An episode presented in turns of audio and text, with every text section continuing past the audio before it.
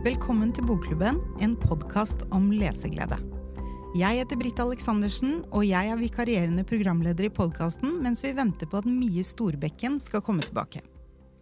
I Bokklubben har vi satt oss felles mål for 2024. Vi vil prøve nye sjangre. Vi vil utfordre oss selv. Det er så lett å gå til favorittsjangeren, enten det er krim, krig eller kjærlighet. Så dette blir rett og slett et lite prosjekt. For hver måned skal vi ta for oss en ny sjanger. Det blir podkast, intervju med forfattere, gode boktilbud i månedens sjanger og spennende diskusjoner. Men januar er januar, og vi tenker at vi må begynne litt rolig. We have to ease into it. For når det er kaldt og grått ute, vil vi ha det varmt og godt inne, og feelgood, det er varme i bokform. Månedens sjanger er feel good, rett og slett fordi det er det vi trenger akkurat nå. Men når vi snakker om feel good, hva snakker vi egentlig om da? For å hjelpe oss med å svare på det, har jeg hentet inn to entusiastiske kollegaer. Ingeborg Woland, direktør, og redaktør Runhild Sjølås. Hei til dere! Hei, hei. Hallo, det her er gøy. I tillegg har jeg invitert en ekspert utenfra, Kjersti Hærland Johnsen, som både er redaktør og forfatter i feelgood-sjangeren. Velkommen. Tusen takk for det. Hei. Hei. Ekstra hei til deg. Hei, hei. Eh, kan du fortelle kort eh, om deg selv? Vi kjenner jo Ingeborg og Runhild, men eh, hvem er du? Ja, jeg heter altså Kjersti Herland Johnsen. Jeg har eh, jobbet i den norske forlagsbransjen lenge, siden 1998. Eh, I forskjellige forlag og med veldig mange forskjellige typer utgivelser. Jeg har eh, jobbet spesielt mye med oversatt skjønnlitteratur. Eh, Nå jobber jeg i Gyllendal Norsk Forlag som eh, redaktør for eh, oversatt, og mye feel good spesielt, da. Og jeg har òg hatt eh, tre år som lydbokredaktør i Gyllendal. Ja. Eh, Det kommer vi tilbake til senere, tror jeg, for mm. feelgood det gjør seg på lydbok. Mm. Det er jo en av de mest populære sjangerne der, da, i lyttetjenestene. Ja, og det, det skjønner jeg. Men eh, vi må, begynne, vi må begynne helt ved begynnelsen. For hva er egentlig feelgood?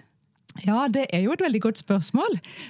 Noe ligger jo i ordet sjøl, da. Altså feel good. Det er bøker som skal få deg til å føle deg bra. da. Så er det en klok dame jeg kjenner som kalte feel good-romaner for uh, uh, selvhjelpsbøker i romanform. Og det syns jeg var en ganske god definisjon. Ja! At uh, um, det handler jo ofte om folk som har en eller annen form for eh, et, et, et problem eller en vanskelig livssituasjon. Eh, og ofte går det jo ille og verre enn verst. Eller det er liksom, de havner oppe i vanskelige situasjoner. Men, eh, men at, at det handler om folk som klarer å ta tak i livet sitt. eh, Og skape seg en bedre livssituasjon. Da. Eh, Og hvor du som leser sitter igjen med en sånn god følelse av at det, ting kan jo gå bra. Men, s- så det handler ikke bare om kjærlighet, altså? Nei, jeg tenker at det ofte er at i feel good-romaner så er kjærlighetsplottet ofte et sånn sideplott. Det handler egentlig om selvutvikling. Eh, at, eh, at du, du må gå gjennom en utvikling, og så kan jo da kanskje kjærligheten eller den nye fantastiske jobben eller rikdommen komme som et biprodukt av, men det handler ofte om ved hjelp av gode venner eller, mm. eller andre grep som en gjør, da, Og skape seg et godt liv. Og hvis en finner kjærligheten i tillegg, så er det fint. ja. Jeg syns det her er utrolig gøy. For jeg, har suttet, altså jeg er jo en ivrig leser. Jeg er blant de som sånn, krøbber meg opp i en godstol med en eh, god sånn koseroman, feelgood-roman, eh, hvis jeg får en sjanse. Og jeg har drevet tenkt litt sånn Hva er det de har til felles? Um, Og jeg syns noe av det som er deilig, er nettopp det du sier. Det her var litt sånn klargjørende for meg. At mm. det er stort sett ei dame. Vi skal, jeg, jeg tror vi må komme tilbake og diskutere om det fins feelgood om menn og for menn. Det gjør det. Gjør det. Ja. Eh, Men eh, det er ei dame som jeg på et eller annet vis kan identifisere meg litt med. Eh, Og hun er i hvert fall ikke altfor perfekt. For det er slitsomt. Hun har et eller annet problem. Um, og så er det hyggelig hvis det er et romantisk plott der på et eller annet vis, men der syns jeg jo kanskje sjangeren har blitt flinkere på å tenke at eh, du skal ikke bli berga av en drømmeprins. Eh, Du berger deg sjøl, og så kanskje møter du drømmeprinsen underveis. Eller av og til så er det å berge seg sjøl og gi slipp på drømmeprinsen. Ja. Eh, Så der har, synes jeg det har skjedd en slags modernisering de, de siste 20 åra. Så kanskje det må ta imot hjelp. Ja. Men så må det jo gå bra til slutt. Altså, og det er jo kanskje forskjellen fra Herbjørg Wassmo eller uh, Helge Flatland, eller noe sånt, for der kan det jo gå skikkelig på trynet. Ja, jeg tenker også at det er et av, Hvis vi skal snakke om sånn sjangerspesifikasjon eller sjangerkrav, så er jo det der at det må gå bra. Altså Det må ikke gå bra på alle fronter, at livet nå har blitt perfekt, men i det som er liksom hovedpersonens quest, eh, hva- så, så må, må det oppfylles det. Eh, og det er jo litt sånn at det, det finnes jo noen sånne gode plott, ikke bare for feel good, men for alle gode fortellinger. sant? Du har en situasjon, og så er det et eller annet som skjer, sånn at du får en utfordring, og så må du bruke fortellingen på å løse denne utfordringen. Og så må du ha en avslutning da, som er tilfredsstillende for leseren. Og det er jo det som skal gi den gode følelsen. da. Så hvis det var sånn at eh, alle fikk grusomme sykdommer og døde, og så var boken ferdig, så er det jo ikke Det kan jo være en god roman, men det, da er det ingen feel good-roman. Men det var litt oppklarende for meg, for jeg er jo sånn som leser uten å tenke på hvilken sjanger jeg leser i. Jeg bare blir interessert i noe, og så plukker jeg opp en bok og leser den. Men, eh, men det er jo noe som sikkert ligger der i bakhodet når man velger en sånn eh, roman. At eh, man har lyst til å lese noe man vet går bra til slutt.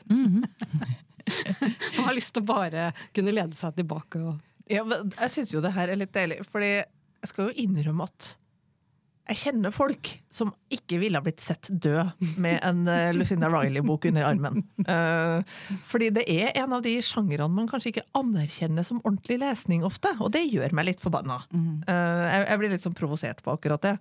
Fordi for det første så er min erfaring at det fins utrolig mye god og kompleks litteratur innenfor feelgood-sjangeren. Eh, Som vi må diskutere. Hvorfor heter det feelgood? Hvorfor har vi ikke godt norsk ord for det? Um, og, og det andre er at ja, men hvorfor skal det være mindre legitimt å kose seg med det her enn med f.eks. en blodig krim? Fordi det handler egentlig om sjangerlitteratur som oppfyller noen krav. Altså, tenk deg en krim hvor du ikke får vite øh, Du får ikke oppklart drapet, liksom. Det ville jo vært en dårlig, en dårlig krim. En veldig Nei, dårlig jeg, jeg, jeg tror du er inne på noe viktig der, at en må godta at det fins sjangerkrav, og at en kan ønske å lese innen forskjellige sjangere til forskjellig bruk. Uh, um, og krim, men krim hadde jo tidligere litt av det der som du refererer til nå. Nå har jo det blitt veldig sånn stuereint. Men eh, jeg kan jo liksom til og med i vår tid så har det jo skjedd en endring der. at krim, Det var jo en del krimforfattere som egentlig ikke ville identifiseres helt som krimforfattere.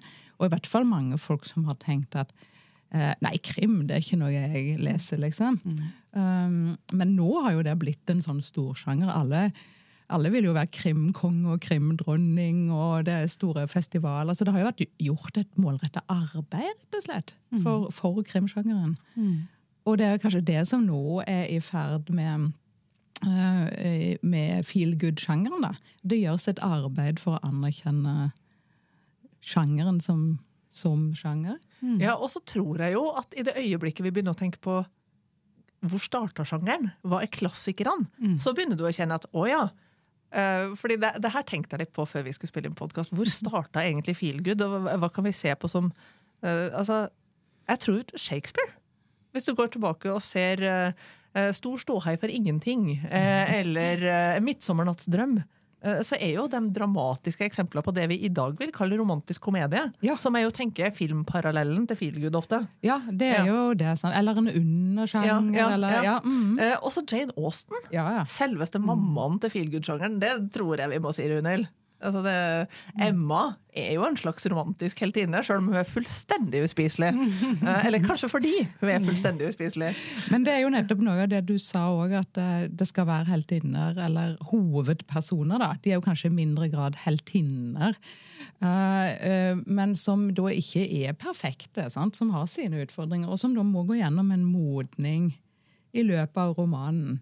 Eh, som Emma altså, må innse sine At hun må oppføre seg på en annen måte. Sant?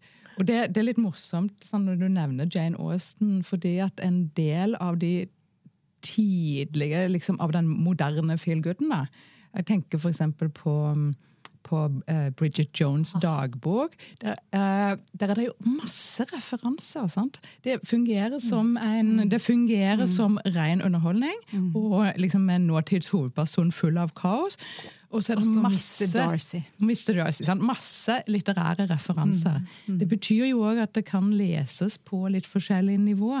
Mm. At du kan lese det som ren underholdning, selv om du aldri har lest Jane Austen eller kjenner noe til litteraturhistorien. Mm. Men hvis du er liksom litt mer belest, så kan du sitte og smile og plunke til deg sjøl og si ha jeg tok den. Ja. Og, og, og, det er jo der hvor det at det gjerne fins både bok og film, gjør det enda gøyere. For jeg er jo i generasjonen Bridget Jones. Mm. Uh, Bridget Jones kom ut da jeg var rundt 20. Det var liksom definerende for uh, studietida og liksom min tidlige voksentid. Det var der vennskapene hos Bridget Jones, eller på TV i Sex og singelliv. Mm. Men uh, det som var så morsomt, var at jeg hadde jo lest boka. Og jeg visste jo at i boka så sitter jeg med å referere til TV-serien om Pride and Prejudice, Stolthet og fordom, hvor Colin Firth spiller Mr. Darcy. Mm. Og så kommer de ut i filmene, og så er det Colin Firth som spiller Bridget Jones sin Mr. Darcy. Ja, og da sitter du jo der som leser og ser og føler deg dritsmart. Mm. Mm. Ja, du tar, og det blir sånne sirkelreferanser, og det er veldig artig. Og det gjelder jo en del andre som er av disse mer historiske altså, Det kommer jo litt an på hva en definerer som feel good, men det finnes jo ganske mange som iallfall er store, underholdende romaner. da, uh, Som er type sånn Kate Morton, eller sånne som òg er gjerne disse toplanshistoriene med et mysterium uh, fra fortiden. Så ble det et definisjonsspørsmål om det er feel good-romaner eller ikke. Men, ja, For hva syns du? Ja. For det har jeg lurt veldig på. da. Tenkte, Nå har vi deg her, nå vil vi spørre deg om det. Ja, og det er jo jeg tenker at det er liksom, En kan velge litt hvordan en vil definere litt bredt eller litt smalt. Sånn som jeg tenker er sånn typisk ren feel good, da er det en samtidsroman eh, et, liksom, som foregår i, i vår tid. Som eh, Bridget Jones, da. Ja, sånn Bridget Jones-aktig. Um, men, men, så brukes jo òg begrepet som en slags sånn paraply over en mye bredere form for litteratur. Mm. Som kanskje har um, Som kanskje har noe um, at det, Kanskje vi ville kalt det dameromaner i gamle dager. Mm. Eller, kanskje, eller noen kaller det underholdningsromaner. Eh, og da kommer det jo inn en kjempesvær bredde. altså Fra de historiske romanseriene, som jo nå har en renessanse. Det er litt gøy å se. Særlig i mm. lytting, som eh, jo nå har blitt så stort. Jeg, hadde jo ikke vært den samme hvis ikke jeg hadde lest alle 47 bindene og sagaen om isfolket da jeg var 13. Og igjen da jeg var 14. Ja. Og den er jo litt sånn til den episoden hvor dere skal snakke om fantasy, så tenker jeg òg at uh, her, er mange, her, er det mange, paralleller og ting som går på kryss og tvers. Da kommer Ingeborg tilbake. Ja. Eh, her, jeg har fått en veldig god start på året. Vi Jeg har fått starta med mine favoritt to kosesjangere. Så det, det, her er veldig veldig hyggelig. Det er fordelen med å være direktør. Ja, du, du, får liksom uh, velge og vrake. Mm. Ja. Nei, også, og, og, det er jo òg når vi snakker om Margit Sandmo. Da. Det er jo òg romantikk. Mm. Og det er jo òg noe som en kan enten si er en sidesjanger. Romance-litteraturen er jo kjempesvær. sant? Er sidesjanger til feel eller kanskje en undersjanger. Mm. Men det var en ting vi har så vidt snakka om før, Ingeborg, som eh, vi i hvert fall har tenkt. da, eh, som har skjedd, Det har skjedd noe med heltinnene mm. i disse bøkene mm. i de siste årene. Altså, de er ikke de, de er litt mer oppgående og mindre avhengig av uh, denne drømmeprinsen enn i gamle dager. Ja, uh, og, så, ja det, og det er nok en refleksjon av liksom et, et, ideal. da. Det er jo òg veldig mange uh, folk som faktisk er single. sånn at, av, sånn at, det, at det blir kanskje litt kunstig å lage et ideal om at du kan bare være lykkelig hvis du lever i et forhold med drømmeprinsen din. liksom. Så det, det ville nok føles liksom fremmedgjørende for mange. Ja, og så syns jeg mye har begynt å handle om det å være sjef i eget liv. Ja. Uh, og det går jo kanskje på at skal du speile samtida di? Det hadde vært veldig sånn utypisk det moderne, i hvert fall det nordiske samfunnet. Hvis eh, ditt ytterste mål i verden var å bli eh, god kone og mor. Ja. Eh, For det er på en måte ikke det viktigste av dagens kvinneidealer.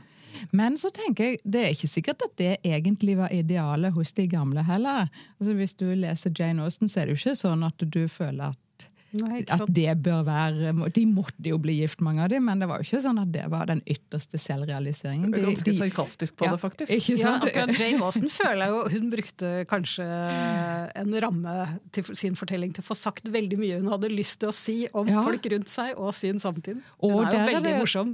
Veldig morsom, og det, det kanskje av og til glipper litt i filmatiseringene, fordi da tror en at dette er ren romantikk. Mens når en leser en del av disse 1800-tallsforfatterne, så er de supervittige og veldig spydige. Ja, veldig mye på hjertet. og, og, og det er morsomt. for at eh, under pandemien så begynte jeg å lese meg litt tilbake til bøker som hadde betydd noen ting for meg i oppveksten. og sånt, Så jeg, jeg gjenoppdaga Småfrøkner av Ja. Louisa May Alcott. Jeg, jeg gjenoppdaga Anne fra Bjørkely, Ja. som vel kanskje var min barndoms store heltinne i den sjangeren her. Eh, og, og da oppdaga jeg jo at den TV-serien som jeg huska, som jo endte med at eh, Anne både ble lærer og fikk sin Gilbert, så hun var jo kanskje den første realiserte eh, Du kan ha begge deler. Mm. Den gikk jo kjempemye videre i liksom hennes yrkesliv og sånt. Ja. Og det er kjempekult. Det hadde jeg på en måte ikke skjønt da jeg var liten. Eh, Så, så det, er, det er mye samfunnskritikk i god feel good. Eh, Ja. Bridget Jones er jo, var, jo banebrytende fordi hun skildra eh, en hovedperson Jeg vil ikke kalle Bridget en heltinne. Men som røkte og drakk og sleit med vekta. Og det, var bare så utrolig mulig å identifisere seg med. Ja, og det tror jeg er, veldig sånn øh, avgjørende for at du skal like disse bøkene. Det at du trenger ikke på en måte identifisere deg i den forstand at du er denne personen, men det må være noe et eller annet som du, som, eh, som du kan kjenne deg igjen i. Det. Eh, og så er det jo litt sånn forskjellig eh, ut fra hvilken undersjanger her. Altså, det kan jo ha en gjenkjennelseseffekt, eller det kan ha en sånn drømme seg vekk-effekt. Eh, sant? Altså, at livet kan bli ja. Ja, og, og kanskje av og til også en litt sånn sett deg i stand til å leve det livet du føler du burde leve-effekt. Jeg har lest litt av de her eh, kall TikTok-favoritter, som Colleen Hoover og en del sånne amerikanske store navn nå. Og det handler jo også mye om eh, å komme seg ut av voldelige forhold, f.eks. eksempel, Ja. Og bryte formødrenes dårlige tendens til et eller annet. Eh, eh, Så jeg tror også at på sitt beste så kan feelgood-litteratur hjelpe deg til å ta tak i ditt eget liv. Ja, og det tenker jeg er bevisst eller ubevisst et mål eh, når disse bøkene blir skrevet. òg. At det er, det er underholdning, men det, er, det finnes en agenda. Men, men kan ikke du si litt om det, for du har jo skrevet også.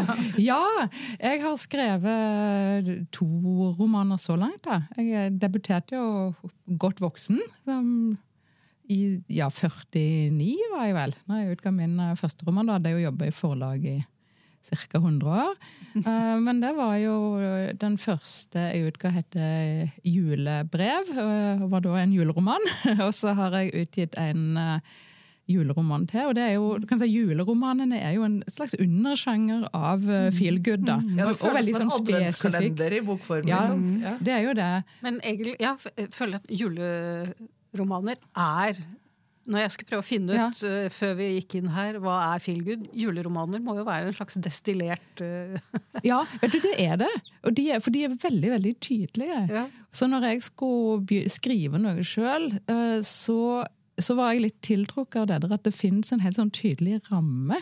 Så når jeg både hadde dette feel good-tankegangen, da, eh, og så hadde jeg dette at jeg brukte dagene fra 1. til 24. desember som en ramme, det ble en litt sånn morsom utfordring. og Da må du skrive en fortelling med liksom ting som eh, Med en situasjon, med utfordringer, med ting som må løses, mye dramatikk og gjerne litt romantikk og julestemning sånn i løpet av en veldig kort tidsramme, uh, ramme, liksom.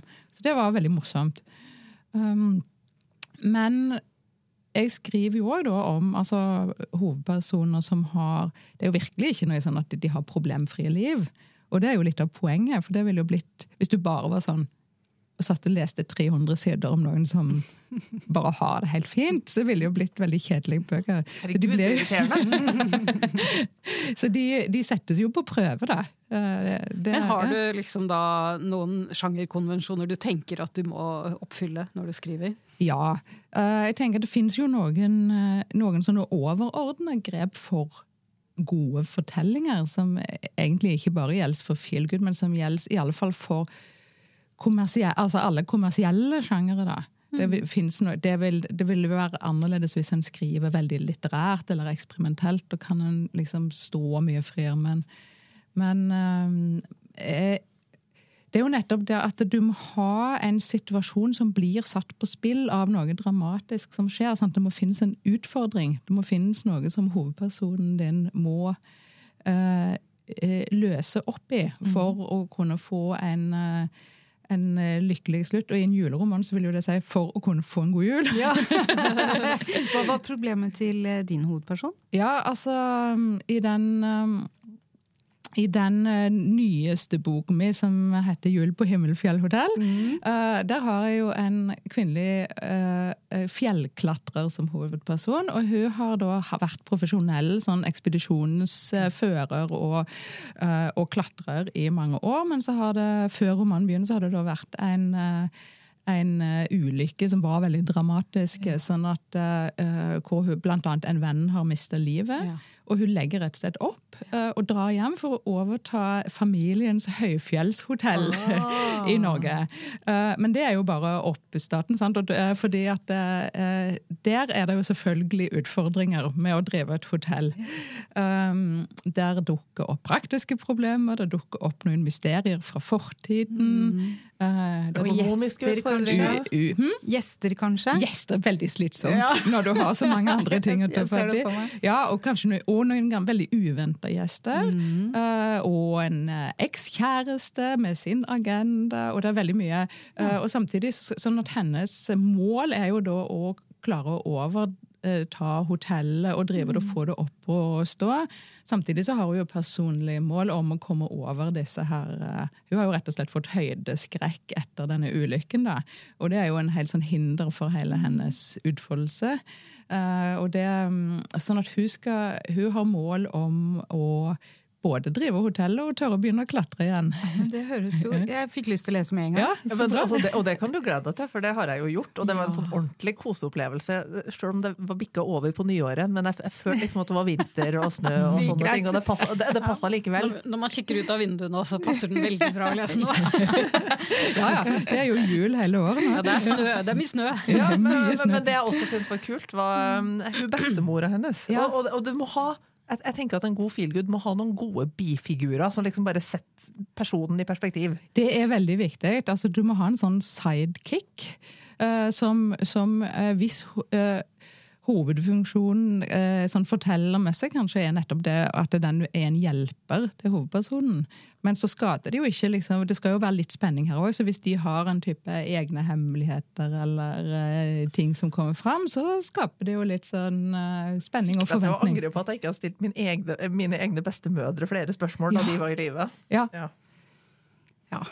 Det, det, kan man eh, kjenne litt på, det er jeg helt enig med deg jo, vi snakka så vidt om det i sted, men øh, og skulle ta, komme tilbake til det. Dette med menn og feelgood. Om det faktisk fins eh, feelgood-romaner for menn, og så sa du ja, det gjør det. Ja, altså, det gjør jo det. Eh, både av og for menn.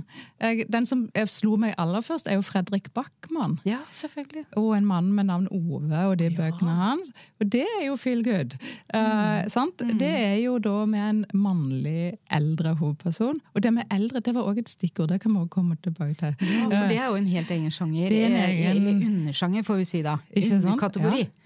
Men det er jo en veldig en, en roman som da begynner eh, trist, eller eh, iallfall med en Trist og humoristisk mm. på en gang. Mm. Men som jo da handler om nettopp det. Et menneske som, som Han har det ikke lett. Og så får du vite gjennom fortellingen hvorfor. Hvorfor er han så vanskelig? Hvorfor er han så sur? Hvorfor skal han henge seg? Altså, det er jo i det hele tatt altså, det er mye, uh, mye utfordrende med Ove. Men så er det jo det at uh, um, forfatteren gir oss en bakgrunn, og han gir uh, hovedpersonen verktøy til å utvikle seg videre, da. Til og med sent i livet. Og, og kanskje noen av bøkene til Nick Hornby. Ja. Ja. Litt sånn tilbake til About the Boy eller Ja, ja, Tribunefeber. Tribunefeber. Ja. Ja. Mm, var Det- jo fantastisk. En mannlig hovedfigur. Ja. Det er han som har problemet. Ja. Og han som blir eh, redda. ja. Og det, Eh? Fantastisk opplevelse den gangen. Og det er jo gjerne, det kan jo være gjennom ja, noen som en møter, da. Om det er et barn, eller om det er en nabo. Eller, altså at den, men det er ofte, ja, hovedpersonen trenger liksom et spark bak til å skjerpe seg litt, eller bli, liksom realisere potensialet sitt da, til å ha det godt i livet. Men nå har vi vært innom en svenske og en brite, og, og det får meg til å lure sånn, er det geografiske eller regionale forskjeller på hva som blir en god feelgood-roman? Er det f.eks. For forskjell på en skandinavisk feelgood og en amerikansk? Ja, jeg, jeg tror det er ganske mye forskjell. Jeg syns ofte øh, øhm, Fra USA så syns jeg at mye kanskje går litt mer mot romantikk.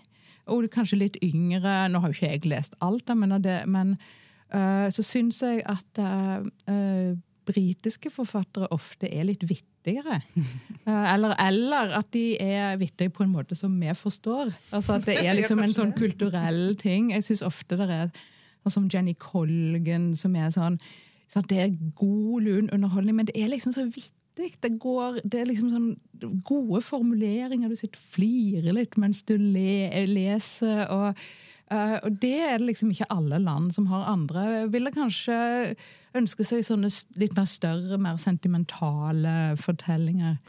Og, og da kan du trekke inn altså, Det er jo kanskje grenseland til hva vi ville ha kalt feelgood eller ikke, men eh, en ny stor norgesfavoritt er jo Valérie Perrin. Ja, Som jo kanskje er mer sånn fransk type historiefortelling. Ja. og jeg tenker jo at eh, det er jo òg feel good, men at det er jeg tenker jo at Valérie Perret skriver feel good, men som du sa, kanskje på en, en franskere måte. Da. Litt, der er litt uh, mørke, der er litt, det er litt mer komplisert. Der er litt andre referanser. Så tror jeg de har et litt mer pragmatisk forhold til kjærlighet. Ja, Opplever jeg. Ja, det er veldig morsomt i denne her uh, Å vanne blomster om kvelden. Fordi at liksom, ja, elskerinner, og det er liksom en sånn en, Ja, en litt sånn eh, Ting som foregår som liksom ikke er helt sånn eh, A4, men som, som inkorporeres i livet. Ja. Ja, og, og, og det bringer jo fram spørsmålet om altså, skandinavisk feelgood. Jeg, jeg tenker jo kanskje Sverige har vært særlig sånn, tydelig de siste åra på god skandinavisk feelgood, som ofte får meg til å le som jeg griner, av Ja. folk som er helt håpløse. Ja. Og et eksempel kjapt. Um, eh, du har denne forlags... Altså Du ser det på TV, for eksempel. Denne her forlagsserien som jeg i farta ikke husker Ja, hva ja, heter ja, på svensk, men som jo også er i bøker. Eh, det, det er en sånn type svensk feministisk Eh, humor. Kjærle kjærlighet og anarki. Kjærlighet og anarki er jo TV-serie som er ja, du kan si det er feel. Den er nesten litt sånn Bridget Jones-aktig, for det er liksom sånn hovedpersonen som roter det til. Ja, Og så er det det svenske sånn hyperfeministiske samfunnet med alle ideene om hva du skal være Mm. som moderne moderne kvinne. Og sånt, og så leker de veldig med det. Som krasjer med virkeligheten, liksom. Ja, fordi verden går jo bare ikke i hop. Men hadde ikke vi en roman i fjor, Emma Hartsberg? Jo. Var ikke Je m'appelle Agneta. Ja. Den er også fantastisk. Nemlig. Eh, og, og det er vel en feel good. Ja. Der har de jo kombinert svensk og fransk, så det er jo Ja, det er jo perfekt. Og morsom. Ja, og så er det f.eks. Jenny Fagerlund som skriver sånn uh, ganske tydelig som om altså, En av bøkene hennes heter 'Begynnelsen på noe nytt', som jo på en måte oppsummerer sjangeren. Uh, sant? Altså med, med folk som da gjerne etter En tar jo gjerne opp store uh, temaer. Altså Det er jo ikke, virkelig ikke bare lys her. Altså I Feel Good så er det jo ofte det kan være død, krig, eh, eh, depresjon, skilsmisse Sykdom. kan-. Ja. Nei, jeg tenker på Lucinda Riley Ja. med de syv søstrene. Ja. De har jo alle et stort personlig problem ja. som må løses, eh, som eh, ja, rusmisbruk, eh, identitet, hvem er jeg, hvilket kjønn Ja. liker jeg, alt dette her. ja. Ja, det har jo store Sant? ting. Sånn at det er veldig viktig da, at du, at du har den kontrasten med det mørke, og at eh, det er faktisk det som utgjør fortellingen. da. Selv om du da du må jo da få innfridd med en, en happy ending. Hvis du, det er liksom belønningen for å lese. Ja, og så ser du at det, det, det skal gå an å løse ting, og det fins en vei ut. Ja, ikke sant? Ja. Mhm. Inspirasjon. Ting går over. Mhm. Og og så har jeg merka meg En av de amerikanske nåværende som jeg har litt sans for, er hun Taylor Jenkins Reid. -hmm. Men det er kanskje mer sånn glamorøs type. Altså Problemstillingene til folk som har vært popstjerner eller filmstjerner, eller, eh, som også har hatt vanskelige liv. Og, Ja. og det tenker jeg kanskje er litt sånn særegen amerikansk greie, men veldig morsom. Det, Ja. det høres litt mer ut som sånn virkelighetsfluktlesing. Ja, litt men sånn ordentlig deilig bra! Altså, hvis du, har- hvis du har lest eh, Evelyn Hugos Sju ektemenn, for eksempel, så er den superkompleks og veldig morsom og veldig feministisk. Ja. Og det går bra til slutt. Ja. Jeg tror at det er litt begge deler. Det er virkelighetsflukt, men, uh, men så er det òg en slags gjenkjennelse. fordi at disse menneskene som du som tilsynelatende har så fantastiske liv, når du får le som leser da blir brakt inn i at ja, men de har jo òg sine utfordringer. Det er liksom Kardashians Ja, i bokform. Ja. ja, eller sånn, sånn, sånne sladreblader. Som, det er en helt grusom type sjanger, men sånn bilder av ehm, eh, sånn appelsinhud på kjendiser. Sant? Altså at du blir sånn Ja, men de har det jo òg. Rihanna har også blitt banka opp. Liksom. Ja, altså eh, sånn at eh, Det er en sånn grunnleggende menneskelighet i disse fortellingene. Da, at, eh, og det er jo det det handler om, egentlig. altså finne Um, Å finne sin styrke som menneske til å leve det livet du bør leve. Og det er jo uavhengig av om du er Kardashians eller uh, en vaskehjelp på et sykehjem. At, Til til motivasjonen for å lese, for mange, jeg bare så litt uh, hva som er skrevet om sjangeren uh, rundt omkring, er jo også det med å stresse ned. Altså bare at, at det funker faktisk som uh, total avkobling og nedstressing. Ja, og det tror jeg jo veldig på. Jeg har tenkt litt på det sånn på samme måte som jeg vurderer hva slags film kan jeg se i dag, eller hva slags TV-serie. Av og til så orker jeg liksom Aki Kaurismäki, et eller annet finsk dramatisk hvor de ikke sier et ord. Ja. Uh, og av og til vil jeg bare ha Pretty Woman. Og det er jo litt fint at dere sier, for det at i Feelgood så er det jo ofte veldig mye skildringer av miljøer og, og ting og mat og vin og ting som en har lyst å være i. da. Eh, sånn som uh, Veronica Henry, som uh, kommer nå med denne her 30 dager i Paris. eh, hun bruker, Det er jo selvfølgelig et stort og fint plott, men du bruker, hun bruker òg mye av tida på å ta oss med rundt i disse vintage-butikkene i Paris, og du får så lyst å kjøpe akkurat den jakken, og du får så lyst å lukte den parfymen, og du får så lyst til å gå inn på det bakeriet og spise de croissantene. Altså, Alle croissantene. croissantene. Alltid. Ja, ja, nå- eh, men det er jo liksom et eller annet med en sånn påpekning av eh, det gode livet, da. Ja, for det syns jeg er jo egentlig en kunst. Det er Ja. At du får leseren til å være i sin komfortsone hele tiden, mens disse heltinnene strever med sitt da, og, og kan ha det ganske fælt underveis. Så jeg bare sitter og koser meg. jeg har det veldig bra! Ja, men noe av nøkkelen er jo av og til at jeg føler at jeg har det mer på stell enn dem. Ja, og det er vel litt av, Da får du skikkelig feel good-følelse. da. Da har du jo litt eh, Du har det på stell. Ja. Men hvorfor er det så vanskelig å finne et godt norsk ord for den sjangeren her? Ja, det har jo eh, vist seg vanskelig. Altså, vi har jo prøvd uh, å tenke uh, Altså, føle seg bra bøker, det klinger jo ikke så godt. Sjangerromaner omfavner også krim og fantasy. Ja, underholdningsromaner vil jo for en del kanskje peke mer mot massemarked, eller altså Selv om det brukes òg Det er jo noe vi bruker i vårt forlag òg, som en ganske stor kategori. Men, men øh, nei, det har øh, Vi har jo prøvd. Ja, og kosebøker. altså Mange leser krim for kos. Så Ja. det, det, er ikke bare det heller. Det blir ikke godt nok. Nei. Eh, og så har du de som blir litt sånn nedsettende. Chick lit eller dameroman. Ja. Happy tears Ja. bruker man om noe. Ja. Ja. Um, Nei, for Vi i Bokklubben har også ordentlig prøvd, for vi mener jo at ting bør ha gode norske navn, men her sliter vi. Vi har jo også en kollega som ikke forstår konseptet feel good. Eh, fordi all lesing er feel good. ja, Mer om Bente en annen dag. men eh, det er jo et skikkelig godt poeng. Da. Ja, det Nettopp er jo det at du, det. du kan jo sitte og føle deg oppløfta av å lese om bestialske mord òg. All lesing er jo Ja. feel good. Vi er enige om det. Men, det- men det er jo sånn òg at en at det er jo litt sånne pragmatiske grunner. En velger seg et navn som fungerer. I Sverige så har de jo òg altså De har jo jobba mer systematisk med denne eh, sjangeren. Og de har jo Feel Good-festival, og vi har begynt å ha det litt i Norge òg. At du har evenementer som, som eh, folk kommer på og møter forfattere. Og det fungerer jo. Jeg tror de fleste får en slags, eh, de får en slags følelse av hva slags leseopplevelse de skal få. Men jeg skulle gjerne likt eh, å fått det der, det geniale forslaget om hva vi bare kunne kalt det på Ja, nå. det som utelukker det andre. For krim er jo krim. Og Ja. ja. samtidsroman og historisk roman utelukker jo andre sjangere. Ja. Nei, det er en nøtt. Altså, Normalen er jo at islendingene er kjempegode på det her, men Runhild, du fant ut at her slet de. Nei, jeg tok og spurte en oversetter hva islendingene kaller det, for jeg tenkte da har vi svaret. Men de hadde ikke noe navn, de heller. Nei. Det får være en sånn eh, en utfordring som eh, går ut til folket. Ja, virkelig. Det, det, dette ordet er vi på jakt etter. Ja. Det, ja. Norske ord for feel good. Oppi mitt hode etter denne samtalen så har det i hvert fall eh, også blitt litt mer sånn girl power-sjanger. Eh, eller kanskje mer eh, power. Ja, det, ja, for det må, kan jo være gutta her òg, Ja, som vi fant ut. Absolutt.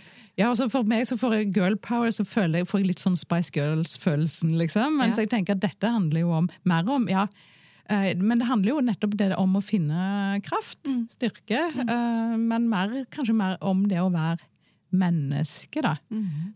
gjerne et godt voksent menneske. Gjerne en mann. gjerne, Det trenger ikke være en jente. Alle skal med. Ja. Eh, eh, vi må runde av litt nå, eh, men jeg lurer litt på om er det noen tips for de som har lyst til, som jeg nå har lyst til, å hive meg over denne sjangeren? Eh, Fins det noen gode norske Utover deg, da, eh, Kjersti. Fins det noen gode norske feelgood-forfattere du vil anbefale?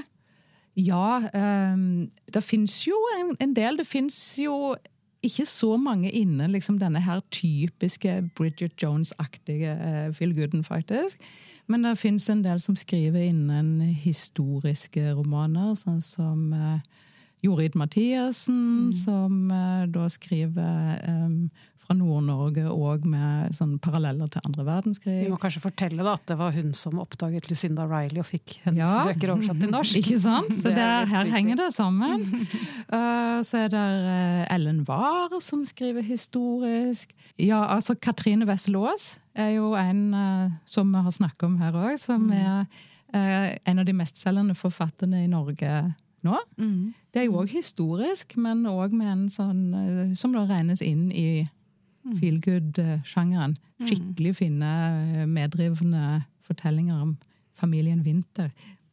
Og, og så har jeg tenkt at faktisk noen av de nyere bøkene til Hedvig var eh, er litt sånn innafor noe som ligner litt. Ja. Eh, Mitt menneske, for eksempel, om en, om en godt voksen kvinne og en relasjon Ja. som gir meg litt av den samme følelsen. Ja. Eh, Så det, det, det, feel good kan jo være så mangt. Ja, og så er det jo òg Janne Stigen Drangsholt. Ja. Ja. Ja. Eh, Det tenker jeg er, Men det er jo òg sånn over Det er jo i den skikkelig smarte enden av skalaen. Sant? Det er jo masse referanser, skikkelig vittig, men òg med en hovedperson som er sånn Hun er skikkelig kul og ganske kaotisk. Og, sant? og jeg vet ikke om det alltid blir happy endings heller, men det, er jo, blir jo, det, er jo, det går jo bra.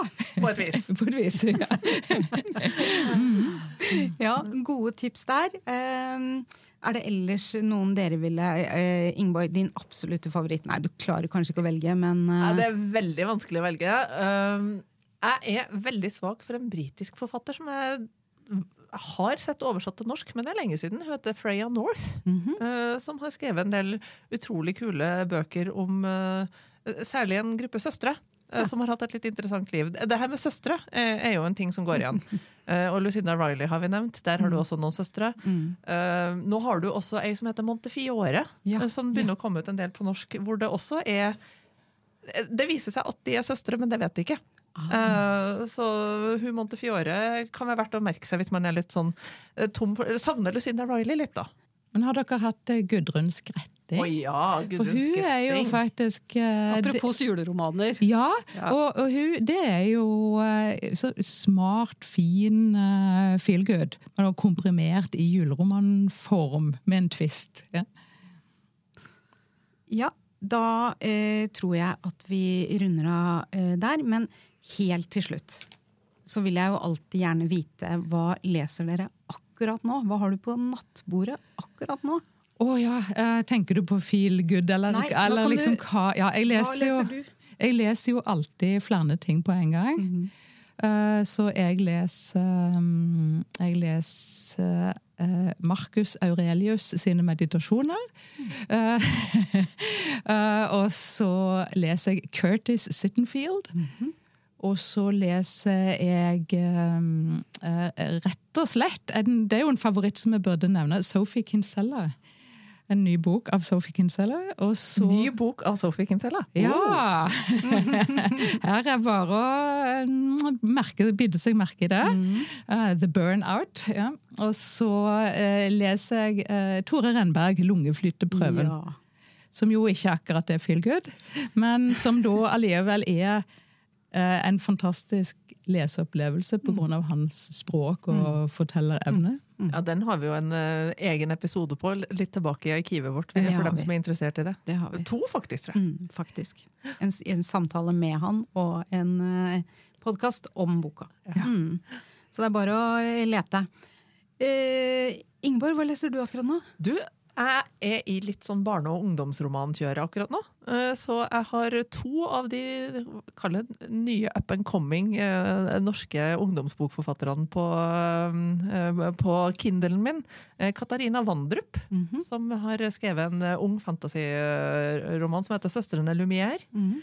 Eh, Og Håkon Markus, som debuterte her i høst, og har blitt liksom solgt til utlandet i bøttevis med bøker som ikke er skrevet ennå.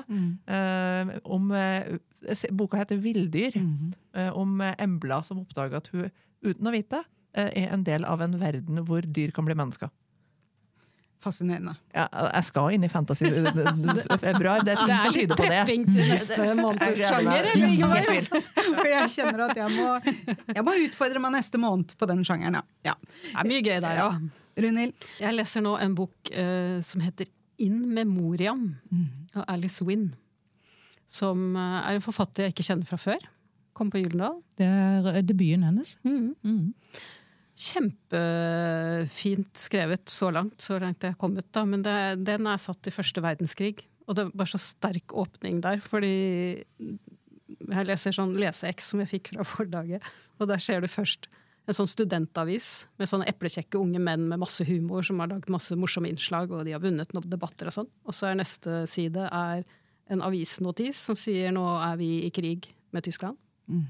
Og så er neste oppslaget en oversikt over døde unge menn i kamp eller på sykestua etter å ha vært såret i kamp. Som er liksom opptakten. Så, så dette er en uh, sterk roman, men eh, fint. Uh, gleder meg til å lese videre. Takk. Da fikk vi eh, flere lesetips eh, på tampen der. Eh, Den siste hørtes ikke ut til å være akkurat feel good, men all lesing er jo feel good, er vi Det er kjærlighet. Det er, veldig, det er, ikke, det er ikke vondt å lese, selv om det er dramatisk. Men ja, Det er godt. Vi er snart tilbake med en ny episode. Eh, Først så må vi takke av eh, Kjersti. Tusen takk for at du kunne komme hit i dag og snakke om feel good. Tusen takk for at jeg fikk komme og snakke med dere. Og takk til dere to andre. Vi ses eh, Vi skal snart snakke om fantasy. Britt. Takk for i dag. Nå håper jeg dere har fått mange lesetips og mye mer leselyst. Vi kommer til å fortsette å utfordre oss selv på sjangre, og vi vil snakke om bøker med redaktører, forfattere og lesere utover hele våren. Det er mye å glede seg til. Vi skal snakke med Vetle Lid Larsen blant annet om hans nye roman De stjernekyndige, som anmelderne kaller en fantastisk lesefest, og vi får også besøk av den nye krimduoen Horst og Fjell. Så følg med videre. Inntil neste episode, God lesing!